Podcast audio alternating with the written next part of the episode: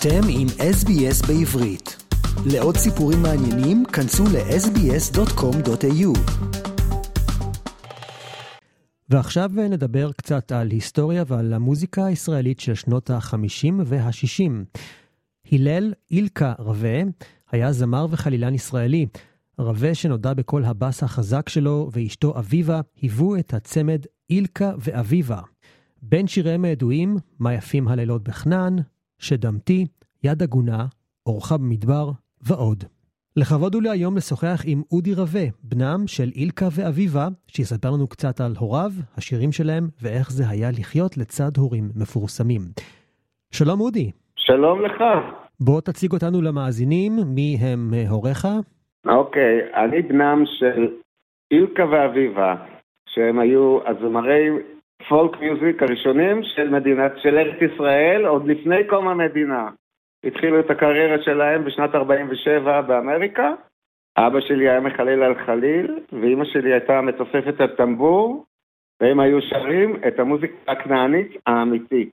כן. אם אתם רוצים לשמוע את המוזיקה של ההורים שלי, השירים שלהם היו מה יפים הלילות בכנען, מה יפים הלילות בכנען, צוננים הם ובהירים. מה יפים הלילות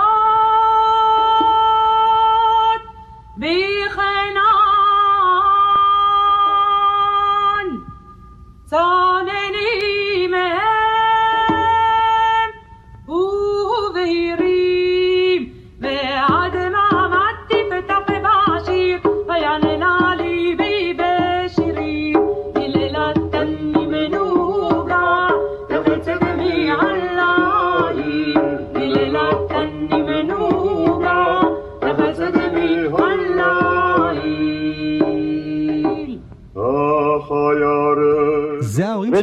של אבא. זה הם עשו. זה ההורים שלי. היי, ימין ושמאל, רק חול וחול. וואו. צוננים הם. כן, ובהירים. כל המוזיקה הזאת זה מוזיקה של הוריי. עוד לפני יפה ירקוני ולפני שושנה דמארי. הם התחילו את הקריירה בשנת 47' בארצות הברית. הם הגיעו לשם בכלל מסיבה אחרת לחלוטין. אבא שלי היה נכה בריגדה, היה בצבא הבריטי, ואיבד את רגלו במלחמת העולם השנייה, ואז לא ידעו לעשות רגליים בארץ ישראל, רגליים מעץ, אז שלחו אותם, הבריטים שלחו אותו לניו יורק לעשות רגל. אוקיי. מנהון לנהון פרצה מלחמת השחרור, הם היו שם במקרה, וכתוצאה מזה שהם עשו שירה בציבור בבית הכנסת בברוקלין, של איזה, לא יודע, שהזמינו אותם, של משפחה של אימא שלי, נהיה להם קריירה באמריקה, שהגיעו עד להיות בתוכנית של אד סליבן בשנת 51, אוקיי? Okay? Mm-hmm. ואני נולדתי שם בשנת 53, אני היום בן 70, אבל באתי לארץ בגיל שנה, בגיל שנה, ואחר כך חזרנו, אבל בעצם כיתה א' כבר הייתי בישראל. אוקיי. Okay. ומאז גדלתי בישראל. אני מניח שבתור ילד היה לך מעניין לגדול בבית עם הורים מפורסמים. הייתה לך השפעה מהמוזיקה שלהם? בטח, כי מכיוון שלא היה אז טלוויזיה, ולא היה... והרדיו היה בקושי תחנה אחת במדינת ישראל. אבא שלי, הוא היה מנגן לנו כל יום, לי ולאח שלי, לפני שהולכים לישון, הוא נורא אהב גם מוזיקה רוסית, שזה היה פיודור שליאפין, זה היה גדול זמרי האופרה של רוסיה, והנריקו פרוזו, שהיה גדול זמרי הטנור של האופרה האיטלקיים, זה המוזיקה ששמענו. וכל החברים שלו כמובן מאמריקה, אם זה היה וודי גטרי, פיט סיגר, ג'וש וייט, The Weavers, The Brothers Four, Kingston Trio, כל הלהקות האלה זה היו חברים של ההורים שלי. וגם היו צרפתים למיניהם, היו ה Frères Jacques, והיו ה Compagnons de la Chanson, כל האנשים האלה היו אצל הוריי בבית כשאני הייתי ילד קטן. ואני גדלתי בבית של מלא מוזיקה עולמית, לא רק של ארץ ישראל. ובזמנו היה גם, הקריירה של ההורים נמשכה, השיא שלה הייתה בשנת מבצע סיני, בשנת 57, לפני פעולות התגמול, יחידת 101 של אריק שרון, מאיר ארטיון וכל זה היו יושבים אצל ההורים שלי, ומה שהיו עושים מורלים. אבא היה שר, והרבה פעולות יצאו מהבית של ההורים. אני הייתי ילד בן שלוש אז, ואני זוכר, זוכר, זוכר את האירועים האלה. של מוזיקה, שירה, זלילה, שתייה, ויוצאים להתנקם בטרוריסטים. ואז זה היה, זה לא כמו היום. אז זה היה משהו אחר לגמרי. אז בזמנו לא היו דיסקים וקלטות. אני מניח שהכל הוקלט על אה, תקליטים, הפטפונים. יש לך בבית את כל התקליטים של הוריך? יש לי תקליטים, אז יש לי פה את התקליטים, אני אצלם אותם ואשלח לך, הכל במסגרות. אוקיי. כיוון שזה זה LP וזה זה EP, הרבה EPs, אתה יודע מה זה EPs? בוא תסביר לנו מה זה EP. EPs בזמנו זה היה extended play, זה היה long play, היה extended play והיה singles. זה התחיל מסינגלים קטנים, ה-LPs באו כבר ב-60's, אבל ב-50's זה היה EPs, זה היו תקליטים של 10 אינץ', לא 12. Mm. ויש לי אותם פה על הקיר, חלק מהם. הרבה, הרבה לא שרדו את השנים, ו... אבל הכל המוזיקה, כל המוזיקה שלהם, כל ההקלטות שלהם נעשו בחברה שנקראת Folkways בארצות הברית, ומי שקנה אותם זה Smithsonian. אז ביוטיוב יש את כל המוזיקה של אימא ואבא, מהשיר הראשון שהוקלט עד האחרון. כולל תקליטים שגם אבא הוציא לבד, של שירי צבא ההגנה לישראל, של אה, שירים רוסיים, אבל השירי הכנענים ושירי הרועים, בעיקר שמה שפרסם אותם, הכל נמצא על יוטיוב. הלל עין אביבה רבה, או אילקה ואביבה רבה. עוד משמיעים את השירים של הוריך ברדיו, והאם הדור הצעיר מכיר קצת את המוזיקה הזאת? פה בארץ מעט מאוד, לעיתים קרובות, לעיתים רחוקות מאוד. הדור פה לא מכיר אותם. כל מה שמעניין אותם זה טלפונים, טיק טוק ואיך אומרים? הם לא מכירים את. המוזיקה הזאת. אם היו המדינה, חומרית מחנכת ושומרת ומשמיעה בשיעורים של היסטוריה וחינוך, זה היה סיפור אחר. אוקיי, אז בוא נלך קצת אחורה. מה לגבי שנות ה-80 או ה-90 של המאה הקודמת? מדי פעם, אתה יודע, היה תוכניות טלוויזיה, חיים שכאלה שעשו לחיים גורי, או שעשו לאיזה, או לפה ושם, תמיד היו מזמינים את אבא לפעמים לשיר וכאלה. אני מדבר על משהו שהיה בשנות ה-80, לא ו... מעבר לזה כבר לא. בשנות ה-90, אבא היה שר בהתנדבות בעיקר. הוא נורא אהב לשיר ולהתחבר, והוא היה מופיע בקיבוצים וזה, ומזמינים אותו. היום אתה יודע מה זה המוזיקה שהנוער אוהב, זה לא... זה אין, אין את הנשמה יותר, אין את הפולק, אין את האדמה. אף אחד לא שר שירי אדמה, הם היו אז דור המייסדים, הם הקימו את המדינה.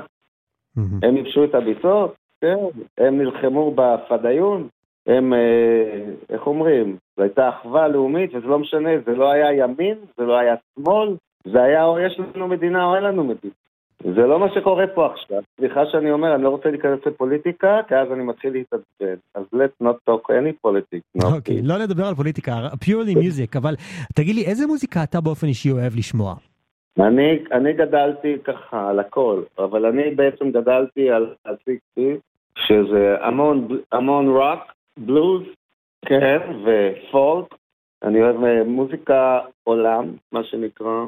אה, תחשוב, אני הייתי בן 16 שהיה ב-69, בוודסטאק. אז כל הרוק אנד רול, גם האנגלי, גם האמריקאי של ה-60's, 70's, וזהו, 80's כבר, כבר לא עניין אותי המוזיקה שיצאה, כל ה... כל מה שקורה עכשיו, אני ממש לא מקשיב, לא מכיר בכלל מה שהילדים שלי שומעים. כל ה... אבא שלך היה אירי. מה לגבי מוזיקה אירית? המון מוזיקה אירית, כן, אייריש מיוזיק, גדלנו עליה. אבא נורא אהב אה, מוזיקה אירית. והיו חברים אה, מ, אה, באמריקה שמקור שלהם היה אירי. אז מוזיקה עממית אירית ומוזיקה שחורה של אה, כמו אה, ג'וש וייט ופול רובסון, אם אתם יודעים מי זה היה. כל המוזיקה שלה, שהייתה נחשבת באמריקה אז כמוזיקה של אה, בולשביקית, אה? מוזיקה שבעד זכויות אדם ו-human rights וכל הזה. בוא נשמע את השיר הבא, שדמתי, הנה אביך שר בקולו הנמוך ומנגן בחלילית.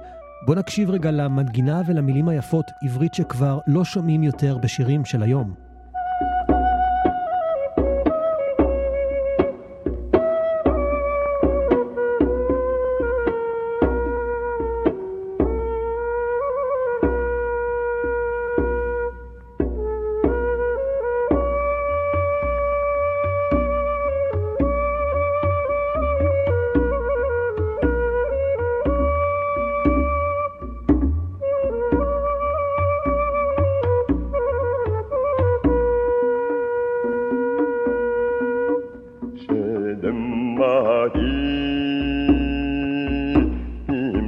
אחר זרע תייבד מאה, תפילת היוגב נשמע. שדמתי רבתת לנים שחרה מאור חמה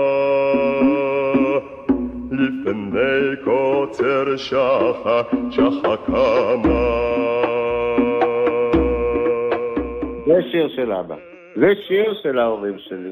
עשו לזה הרבה ורסיות אחרי זה. לאביך היה ממש קול אה, בס נמוך. אימא שלך גם אה, הייתה אישה מאוד אה, יפהפייה, ממש כמו מלכת יופי, אני מבין שהיו לה הרבה מעריצים. מה זה יפהפייה? היו לה המון מעריצים, והיו לה הרבה boyfriends. אבא ואימא שלי, אמנם היו זוג, אבל מאז שהייתי בגיל 6, כל אחד היה לו את החיים שלו. את ה girlfriend שלו ואת ה boyfriend שלהם וזהו. אז אני הייתי בבית מאוד מפורסם בדברים האלה, יודע מי היה חבר שלי וכתבו על זה, היה כתבה בעולם הזה, יש לאח שלי את זה. היה אז עיתון שנקרא העולם הזה. זה היה עיתון של... אה, היחיד שדיבר על אה, דברים שהם לא היו מיינסטרים, והיה תמונות של שחקניות וחצי עירום. רואים, אני מדבר על שנות ה-60, איפה היה בישראל דבר כזה? היו שני עיתונים, ידיעות ומעריב ודבר, והצופה. ופתאום היה העולם הזה, שזה היה עיתון עם רכולות, על, וגם מדברים על תיאטרון ועל שירה ועל... ואנטי ממסדי כביכול, אנטי ממשלתי. של חבר'ה שאמרו, אה, אז היה מפא"י, שהם היו, אמנם הם היו מושחתים, אבל הם לא לקחו כלום לכיס, כמו שהיום לוקחים. Mm. הם לקחו את זה למפלגה, לקיבוצים שלהם, לזה. הם לא לקחו את הדברים לכיס. אף אחד לא אחראי ונסע במכוניות פאר ואכל שרימפס בחוץ לארץ, זה לא מה שקורה פה עכשיו. ובעיתון הזה כתבו את הכל. והיה כתבה, אני זוכר בתור ילד, שבאתי לבית ספר ואמרו, בוא'נה, אמא שלך, וואי וואי וואי.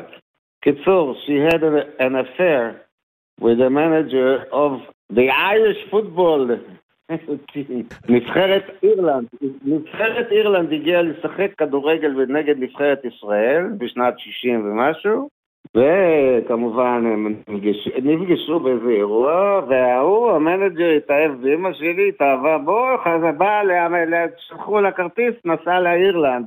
היה בעיתונים באנגליה, הכל וזה וזה. סיפורים. מה אתה אומר? סיפורי רכילויות מפה עד השמיים, לא יאומן. עד השמיים. אז אני גדלתי בבית כזה שאתה יודע, לא היה קל, אבל זה בסדר.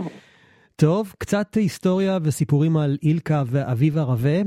זמרים מפורסמים מישראל, ואלו הם ההורים שלך, אודי. אני רוצה להודות לך על השיחה, היה מעניין לשמוע קצת היסטוריה וקצת uh, מוזיקה ישראלית של פעם. בכיף, שלום לכולכם.